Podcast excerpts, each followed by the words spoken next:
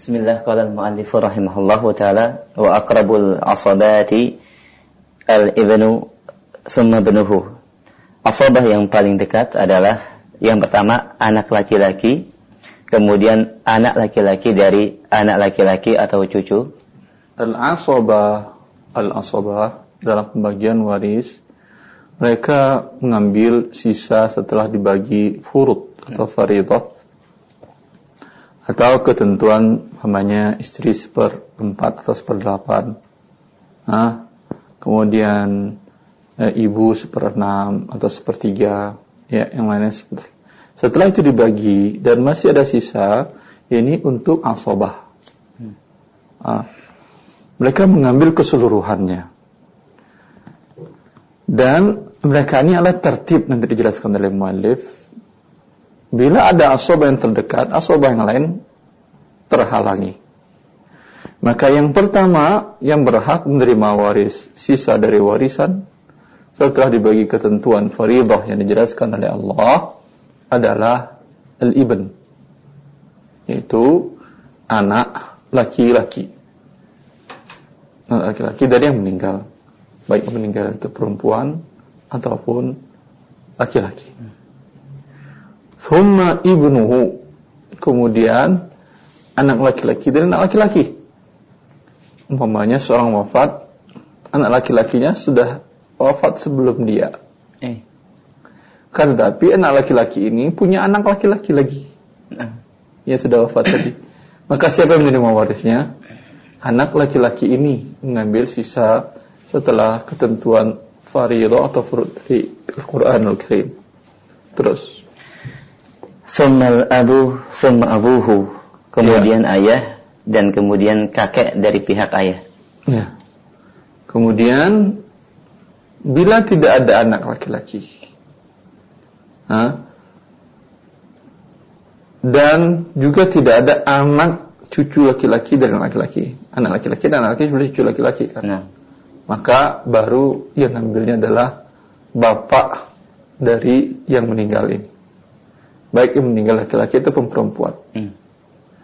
Thumma abuhu. Kalau tidak ada bapak-bapak sudah meninggal sebelumnya Alhamdulillah kakeknya masih hidup. Bapak dari si bapak Bukan kakek dari pihak ibu Bukan. Ya. Bukan kakek dari ibu, ibu. Dari jalur laki-laki. Nah, Itu bapak dari bapak. Nah ini dia yang mengambil Sisa waris.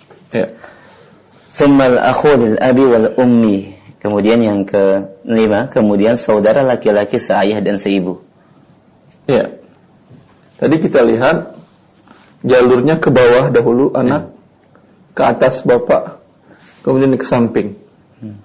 Ke samping di sini adalah saudara laki-laki yang hubungannya dengan si mayat, dengan yang meninggal, hmm.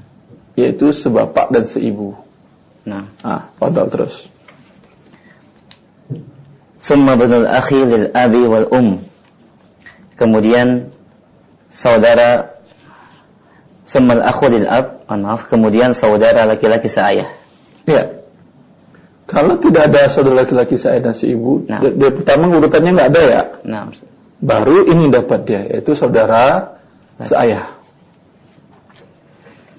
Summa banul akhi lil abi Kemudian anak laki-laki dari saudara laki-laki seayah dan seibu. Summa ibnu. Kemudian anak laki-laki dari saudara laki-laki saya seibu terus. Summa amu ala hadha tertib. Kemudian paman berdasarkan urutan ini. Ya. Kemudian paman yaitu saudara dari bapak. Tadi saudara dari yang meninggal. Nah sedangkan saudara dari bapak yang meninggal. Kalau tidak ada urutan sebelumnya.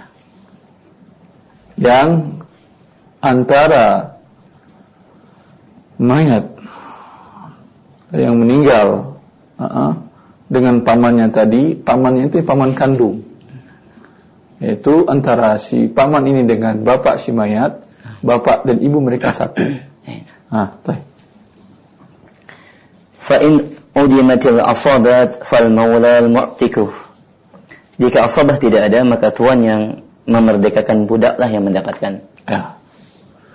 Bila tidak ada asobah sama sekali, yaitu yang mengambilnya, mengambil sisa adalah al-mu'tiq, al-maula al-mu'tiq. Yaitu orang yang merdekakan kalau seseorang ini adalah budak dahulunya, mantan budak, ex budak. Ya. Sekarang perbudakan tidak ada, ya, kecuali ada perangan nanti antara muslim dengan kafir, di sana akan ada perbudakan, maka pada waktu itu baru ada al-maula al-mu'tiq orang yang memerdekakan seorang budak hmm. maka dia mendapatkan sisanya. Wabillahi taufik. Cukup saya kira saya Nah. Assalamualaikum. Waalaikumsalam warahmatullahi wabarakatuh. Dengan siapa Bapak di mana? Dengan Abu Alia di Cikarang. Silakan Abu Alia. Sekarang Abu Alia. Hmm. Iya. Barakallahu fiik Ustaz. Allah barik nah. Abu Alia. Ini Ustaz, anak kebetulan menyimpan uh, uang di bank ribawi Ustaz. Dan apa bank ribawi tersebut mengadakan undian dan kodarullah itu mendapatkan uh, hadiah gitu Ustaz berupa mobil. Uh, hukum dari hadiah itu seperti apa dan apakah bisa dimanfaatkan untuk fakir miskin atau kepentingan umum Ustaz? Abu Alia. Iya. Anda kebutuhannya buka rekening di bank konven sebagai apa? Hanya untuk menyimpan aja Ustaz. Eh, gaji nggak melalui bank konven? Iya. Nah, tidak. Gajinya iya lewat. Kalau anda buka tutup di bank itu, ada iya. ada mudarat nggak kepada anda?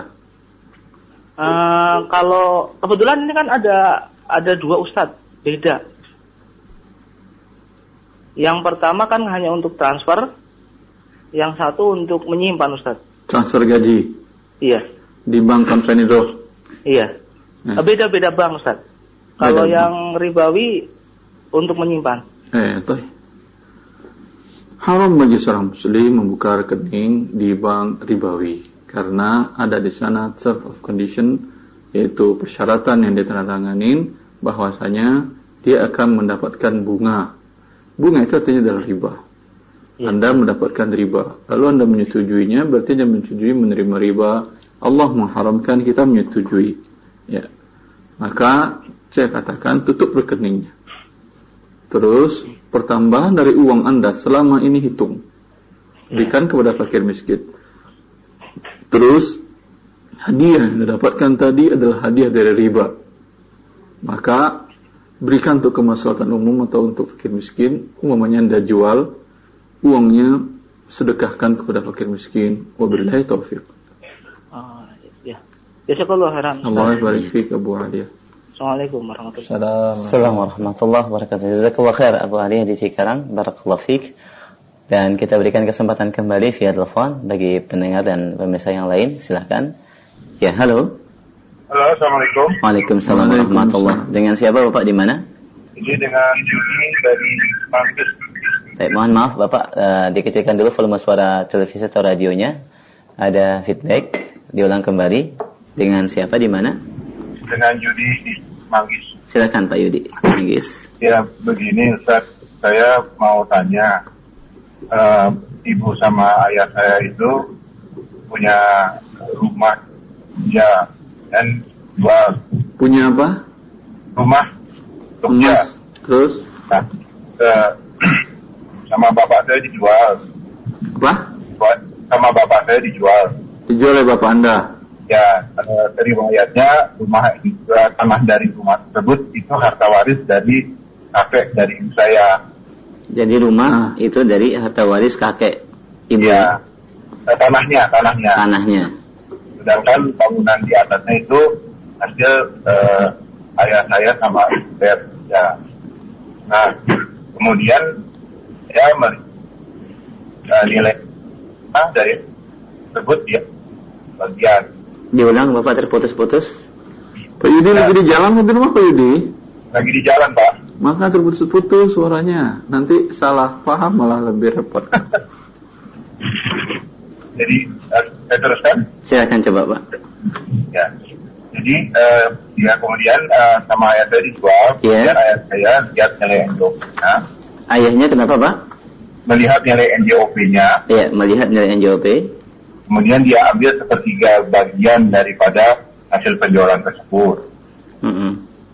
Padahal uh, kalau dilihat harga pasaran itu kemungkinan dia cuma dapat seperdelapannya. Maksudnya harga pasaran tanah di daerah itu gitu. Ayahnya ya Pak ya? Iya. Baik, pertanyaannya Pak? Hukumnya seperti apa sebenarnya? Kalau tanahnya waris punya ibu saya, kemudian bangunannya uh, didapat dari hasil kerja berdua. Kerja berdua, nah. Ya, kerja berdua ya dari ibu saya. Itu pembagiannya harusnya seperti apa? Baik. Ya, Insyaallah kita paham. Jazakallah khair Pak Yudi. Nah. Ya. Baik, jadi jalan Pak Barakallahu Fik. Maaf Ustaz, Asmu. Tidak paham. Baik, artinya uh, harga, mohon maaf, uh, jadi tanah yang dibangun di dalam di atasnya rumah itu adalah warisan dari nenek, dari kakek ibu, dari istri, kakek istri. Kemudian dijual rumah tersebut. Siapa yang jual? Oleh suaminya. Bagaimana pembagian yang sesuai syariat sebenarnya? Eh. Ketika bangunan rumah itu dibangun dengan berserikat antara suami dan istri, ya, tapi tanahnya adalah dua per tiga. Hmm keluarkan dulu hak istri. Sekarang yang mau dibagi waris atau dibagi apa? Bukan dibagi hasilnya seperti ini. Hasil bagi penjualan. hasil berarti tiga per empat milik istri, seperempat milik suami. Hmm, baik. Allah barik. Karena istri memiliki tanah tersebut dari warisan iya. itu. Nah. Baik, jazakallah khair. Mudah-mudahan bisa dipahami Pak uh, Yudi. Jazakallah khair. Baik, kita berikan kesempatan kembali via telepon di 021 823 6543. Silahkan. Halo. Assalamualaikum. Waalaikumsalam warahmatullah. Dengan siapa di mana, Pak? Ah, Pak Ardi dari Riau nih, Pak. Ahlan, Pak Ardi. Silakan. Ah, saya mau tanya nih. Nah. Uh, kalau kita dalam hidup rumah tangga itu kan ada suami istri. Silakan lanjutkan. Jadi yang berkewajiban mencari nafkah itu kan adalah suami, ya. Nah, apabila si suami ini meninggal gitu, apakah uh, warisan itu juga uh, diberikan kepada si orang tua perempuan gitu? Tidak. Kan si, si, si apa yang punya harta ini kan semuanya suami ya? Tidak, tidak, sudah jelas. Tidak. Tidak. Jadi tidak ada uh, waris untuk si orang tua si istri. Gitu. Iya, tidak. Itu saja pertanyaan itu adalah uh, hak suami ya. Jadi jadi yang mendapat waris itu berarti yang uh, dari keturunan suami semua gitu, yang yeah. ahli waris suami ya. Ya, yeah, ya. Yeah. Jadi ya, istri tidak punya hak di sana ya. Istri dapat seper delapan kalau suami tadi punya anak. Ya, betul. Yang yang si istri oke okay, ya dia dapat, tapi dia nggak nggak nggak berhak untuk diberikan kepada katakanlah orang tuanya gitu. Terserah dia. Setelah dia terima nanti kalau diberikan kepada orang tuanya terserah si istri. Hasil bagian dari istri, Pak. Nah, sekarang kalau si istrinya yang yang meninggal gitu, katakan uh, suami, suami istri, istrinya meninggal, apakah orang tua si istri ini dapat juga? Gitu? Dapat. Kalau istri tadi punya harta yang ditinggalkan. Uh, yang soalnya kan yang punya hartanya kan si suami. Si istri sama sekali nggak kerja gitu, nggak cari harta istrinya nggak kerja gitu. Tidak punya harta sama sekali juga. Kerja, gitu. Tidak punya harta sama sekali juga, nggak ada suami, hibah dari suami juga nggak ada. Hah? Oh gitu. Hah? Ada pemberian harta dari suaminya pak kepada istri dalam bentuk hibah mungkin? Oh gitu. Iya. Oh ya, kalau kalau ada pemberian harta, oh, oh dia harta belum dibagi pak, Pak Ustaz. Apa? nggak nggak ada yang diberikan nggak ada di kalau nggak ada berarti nggak ada harta istri. Oh berarti nggak dapat ya? Nggak ada iya nggak ada. Eh, nggak ada, ada, ada harta istrinya. Tapi kalau ada harta si suami yang diberikan si ke istri berarti itulah yang yang pembagian waris hak si eh, waris si istri ya? Iya. Nah Baik, terima kasih Pak Ustaz. Baik Pak Ardi, Masya Allah. Assalamualaikum. Assalamualaikum warahmatullahi wabarakatuh. Baik, kami angkat selanjutnya pertanyaan dari pesan singkat. Assalamualaikum warahmatullahi wabarakatuh. Uh, Ustaz, ayah saya sudah meninggal. Atas kesepakatan anak-anak rumah yang sekarang ditinggali ibu belum kami jual. Rumah yang dulu dibeli dengan perbandingan kira-kira uang ayah 20% dan ibu saya 80%, apakah harus segera dijual dan bagaimana pembagiannya Ustaz? Masalah jual tidak menjual tidak ada tidak ada uh, permasalahan. Yang penting warisannya dibagi. Enak. Perkirakan berapa harga rumah pada waktu itu. Kemudian siapa yang ingin menguasai, siapa yang ingin memberi, berikan uang kepada ahli waris yang lain. Nah. Ya. Jazakumullah khair. Kami angkat kembali pertanyaan uh, sedikit keluar dari tema. Ada beberapa pertanyaan yang menanyakan, adakah ketentuan khusus untuk persentase nisbah dalam hal mudharabah atau musyarakah Ustaz? Tidak ada persentase khusus dalam mudharabah musyarakah. Cuman kebiasaan ya, bila modalnya besar untuk si mudharib kecil. Bisa begitu. Hmm. Allah baik. Baik, Ustaz. artinya sesuai dengan kesepakatan antara yeah. kedua belah pihak, nah Ustaz? Iya. Al-muslimun ala syurutihim. Kaum muslimin itu sesuai dengan kesepakatan yang mereka buat. Nah. Jazakumullah khair. Kami angkat kembali pertanyaan berikutnya. Assalamualaikum warahmatullahi wabarakatuh. Waalaikumsalam. Bagaimana hukumnya menggadaikan barang di pegadaian Ustaz dari Abu Majid di Pare-Pare? Di pegadaian, Allah taala alam di sana ada kezaliman. Hmm. Ya, bagaimana bentuk kezalimannya? Anda cuma diberikan pinjaman 75% dari nilai yang dinilai barang waktu itu. Hmm kemudian nanti mereka eksekusi, mereka dapat 100%. Berarti ada kelebihan 25%. Ini adalah riba dan kezaliman. Wallah ta'ala alam. Jazakallah khair. Kami angkat kembali pertanyaan berikutnya terkait dengan pertanyaan sebelumnya secara langsung tadi. Bagaimana apabila saya menabung di bank konvensional dan saya mengambil sesuai dengan jumlah uang tabungan saya saja Ustaz? Apakah ini diperbolehkan? Tidak. Karena Anda tetap menandatangani uh, perjanjian bahwa Anda diberikan bunga. Hmm. Kalau Anda mengatakan saya nggak mau bunganya, tolong coret term of condition yang ini. Dari awal. Yang, dari awal. Di awal akad. Nah. Kalau tidak, bila itu masih ada tapi bunga tidak ada ambil, ya malah Anda memperbesar lembaga keuangan riba itu. Nah, Jazakumullah khair. Kami angkat kembali pertanyaan dari pesan singkat. Assalamualaikum warahmatullahi Ustaz saya diamanahkan atau dititipkan untuk menjual sebuah barang dari si A dengan harga 600 ribu dan si A mengatakan berikan nilai 550 ribu dari barang tersebut. Jadi saya mendapat keuntungan 50 ribu. Hmm. Akan tetapi saya meminta untuk kawan saya menjualkan barang tersebut dengan harga 600 ribu Apakah ini diperbolehkan? Boleh, berarti untuk kawan dari Anda nanti mendapat fee sekian dari Anda kan ya? Nah. Boleh. Jazakallah khair barakallahu fiik. Kami angkat uh, kami berikan kesempatan kembali via telepon silahkan di 021 823 6543. Ya, halo. Assalamualaikum warahmatullahi wabarakatuh Ustaz. Waalaikumsalam warahmatullahi wabarakatuh. Dengan siapa umur di mana? Uh, Iya, saya Umo Arfan dari Bekasi. Silakan, Umo Arfan. Nah, ada pun yang mau saya tanyakan, ya, uh, suami saya kan bekerja di BPJS Ketenagakerjaan. Hmm. Jadi ada BPJS itu kan uh, sekarang di bawah pemerintah ya lembaganya semacam badan seperti itu. Nah ada yang BPJS ke kesehatan, ada BPJS Ketenagakerjaan. Hmm.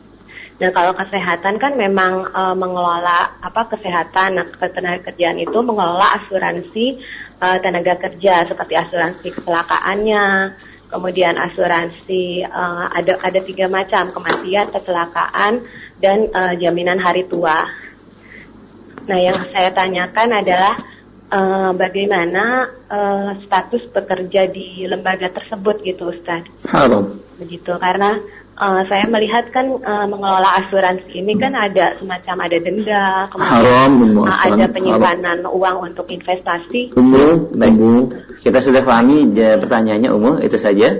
Haram ya. bekerja di lembaga yang melaksanakan oh, iya. praktek riba. Demikian statusnya Om kalau terkait pertanyaan tentang status. Halo. Iya. Baik, bisa ya, dipahami. Jadi asuransi nah. tidak tidak ini ya, apa haram gitu ya Ustaz ya? Iya. Iya, syukran Ustaz. Ya. Assalamualaikum warahmatullahi wabarakatuh. Waalaikumsalam warahmatullahi wabarakatuh. Jazakumullah khair pada Mu'arfan di Bekasi. Semoga Allah kasih kemudahan kepada suami untuk mencari alternatif pekerjaan yang lain tentunya. Dan sekali lagi semoga Allah kasih kemudahan kepada umum dan keluarga. Barakallahu fiik. Kami berikan kesempatan kembali di via telepon 0218236543. Silahkan. Halo. Halo. Iya. Halo. Ahlan. Assalamualaikum. Iya. Dengan siapa Bapak di mana? Dari dari Pak dari Pak Yan dari Padang. Ahlan Pak Yan dari Padang. Silakan. Silakan ya. Pak Yan. Ahlan Pak Yan dari Padang. Silakan. Ya. Saya mau tanya Ustaz. Saya kan ada menabung di bank bank syariah. Iya. Nah di sana ada BHL. BHL itu bagi hasil berarti bunga ke bank konvensional. Apakah bunganya ini bisa di disedekahkan kepada fakir miskin? Nah, itu saja Pak. Nah, atau siapa saja kepada mana saja bisa diberikan. Baik. Nah, Assalamualaikum warahmatullahi wabarakatuh. Waalaikumsalam warahmatullahi wabarakatuh. Iya Pak, yang bagi hasil di bank syariah tersebut ya, boleh diberikan kepada fakir miskin boleh, untuk kemaslahatan umum juga boleh. Tah. Artinya untuk kemaslahatan umum dan fakir miskin boleh saja. Boleh. Nah, satu tambahan lagi terkait dengan ini ada banyak pertanyaan. Boleh tidak disumbangkan untuk pembangunan masjid, Ustaz? Tidak boleh. Hmm. Untuk pembangunan masjid tidak boleh. Baik. Rasulullah di masa jahiliyah sebelum Islam, beliau dan orang-orang jahiliyah sepakat tidak boleh mereka memasukkan satupun pendapatan mereka yang haram kepada pembangunan Masjidil Haram pada saat Rasulullah umur 35 tahun. Hmm. Ya, itu orang kafir. Nah, ya, dipisahkan antara riba dengan yang bukan saja. Ya. Baik, barakallahu fiik, jazakallahu khairan demikian Pak Yan di Padang. Kita berikan kesempatan kembali via telepon. Silahkan di 021 823 6543. Halo. Silahkan sudah masuk. Assalamualaikum. Waalaikumsalam warahmatullah. Dengan siapa Ummu di mana? Uh, dari Assalamualaikum. Waalaikumsalam warahmatullah. Silakan Om. Iya. Uh, Dengan siapa? Dari Ummu Ovan. Di mana? Dari Ummu Ovan di Bekasi. Silakan. Iya. Uh, mau tanya Ustadz? Iya, Ummu Ovan. Iya, tentang arisan motor Ustadz. Arisan motor? Iya. Baik. Ini selama 48 bulan. Iya. Anggotanya lebih dari 100. Hmm. Kalau dikocok arisan dari yang pertama sampai 47 itu langsung bebas tidak bayar Ustadz. Terus di bulan ke-48 itu semua anggota akan dikeluarkan untuk mendapat motor Ustadz. Kira-kira hukumnya gimana Ustadz? Ulangi bentuknya gimana? Ya uh, arisan motor arisan motor vario ya per bulan 350 ribu nah selama 48 bulan 48 bulan kali 350 ribu berapa berarti Faisal? Iya Ustaz 8 berapa bulan tadi? 48 bulan Ustaz kali kali 350 berapa juta itu? Uh, kurang lebih 15 ya Ustaz ya 15 jutaan 15 juta. Harga Vario berapa satu? Uh, Vario kurang lebih harganya segitu juga Ustadz. Oh, oh sudah. Iya. Udah lunas berarti itu? Belum, saya bar, uh, Ana baru ke 25 Ustadz, belum dapat. Cuman uh, dari arisan itu seandainya baru dibuka yang pertama itu tetap uh, langsung lepas tidak bayar tapi dapat motor Ustadz. Uh, hukumnya gimana Ustadz? tidak lepas dan tidak artinya tidak tidak sepeser pun mengeluarkan dana um? Iya Ustaz. Tidak sepeser pun mengeluarkan. Apa nama arisannya nih Bu? Saya cari dulu lah dulu ya. Arisannya namanya ya koperasi itu di uh, kebetulan di Radio Elga enggak itu. Elga enggak? Iya. Radio Elga. Dan jika terus ya. sistemnya seperti itu ya? Ya, jadi kondisinya tuh tapi di ke bulan 48 itu semua anggota sisa dari yang 48 bulan itu langsung dikeluarkan semua dapat motor semua Ustadz. Insya Allah. Saya pelajari dulu Ibu ya. Pelajari dulu ya Ustadz nah, ya. Baik Om. Ayah. Assalamualaikum warahmatullahi wabarakatuh Ustaz. Allah barik Waalaikumsalam warahmatullahi wabarakatuh kepada Ibu Ofan di Bekasi. Insyaallah akan menyusul jawaban setelah saya mempelajari terkait dengan bentuk dan sistem arisan tersebut. Jazakallah khair, jazakallah khair. Kita berikan kesempatan masih di via telepon, silakan di 0218236543. Halo. Halo. Ahlan dengan siapa Umar? Assalamualaikum uh, sebelumnya. Dengan Moli. Assalamualaikum. Waalaikumsalam warahmatullahi wabarakatuh. Ibu Moli di mana? Di Jakarta. Silakan. Uh, Assalamualaikum Ustaz.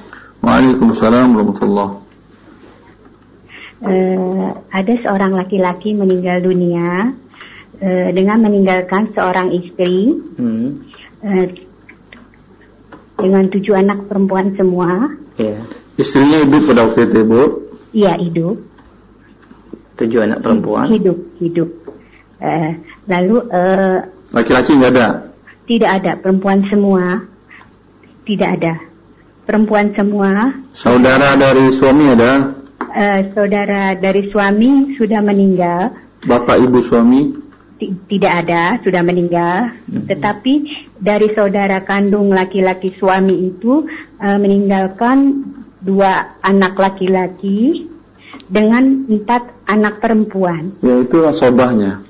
Ya, tadi saya mendengar asobah itu yang nomor tujuh itu ada anak laki-laki dari saudara laki-laki saya seibu. Iya. iya. Ya, saya mau tanyakan apakah uh, di sini berarti asobahnya hanya kemonakan laki-laki saja ataukah keponakan perempuan juga dapat keponakan laki dan perempuan. Hmm. eh, satu banding dua. Oh begitu. Uh -uh. karena tadi saya lihat saya dengar asobah hanya anak laki-laki dari saudara kandung laki-laki saja. Iya. Dia memang laki-laki saja tapi sama anak perempuan bukan asobah tetapi ketika ada anak laki perempuan digabungkan dua-duanya asobah satu banding dua Walaupun dia keponakan perempuan Ustaz. Betul Ibu. Oh begitu Ustaz. Eh, boleh tahu Ustaz dasarnya apa ya Ustaz ke keponakan perempuan bisa dapat juga Ustaz? Uh, sama dengan uh, asobah yang lain. Anak laki-laki, perempuan dijelaskan anak perempuan dapat sekian. Anak laki-laki tidak jelaskan dia asobah. Tapi ketika anak laki-laki jadi asobah dengan anak perempuan, anak perempuan tidak terima lagi setengah dan dua per tiga, tapi mereka menerima setengah dari bagian laki-laki. Bagian laki-laki. Jadi asobah dia. Oh, jadi Dinamakan dia ini dengan asobah bil ghair. Oh gitu Ustaz. Nah. Jadi ponakan perempuannya ketarik oleh keponakan laki-lakinya ya Ustaz? Betul. Oh, ya. Jadi pembagiannya istrinya itu seperdelapan ya Ustaz? Istri ada anak kan ya perempuan ya. seperdelapan. Terus? Ya. Anak perempuan semua tujuh mendapat Dua per tiga ya Ustaz? Dua per tiga. Ada sisa? Sisa, ya. Lalu Sisanya ini untuk ponakan laki dan perempuan satu banding dua. Oh begitu Ustaz. Oh ya. Baik Ustaz, terima kasih Ustaz. Nah, ya. Waalaikumsalam warahmatullahi Jazakallah khair barakallahu fiik. Satu kesempatan kembali via telepon kami berikan sebelum kami angkat dari pesan singkat, silahkan. Halo. Assalamualaikum. Waalaikumsalam warahmatullahi wabarakatuh. Ahlan dengan siapa umur di mana? dari hamba Allah dari Aceh Pak. Dari Aceh? Hmm, ya. Baik, ahlan ya Mas, silahkan. Hmm. Tanya ini Pak, kalau umumnya uh, ibu-ibunya janda, um, jadi anak um, anaknya nggak bekerja, jadi anak anak kandung lakinya lah gitu. Ya, kemudian si, si tidak bekerja punya, karena masih usia belum belum dapat kerja, belum Baik. dapat kerja, baru mencok-mencok gitu. Jadi uh, si ibu ini punya punya uang yang yang cukup nangis nisab dan zakat. Apakah boleh diberikan kepada anak kandung karena mamanya janda? Hmm. Maaf, Ustaz. Jelas. Baik, itu saja umum Satu lagi, Ustaz, satu lagi. Silakan. Hmm, ini Pak Ustaz, kalau misalnya uh, kita men, um, menabung uh, satu tempat uh, cukup nisab, um, dan satu lagi cukup nisab dan haulnya juga, apakah dua-dua ini dijakatkan Ustaz? Baik. Pak, ulangi Ibu. Ustaz ya. Diulang kembali.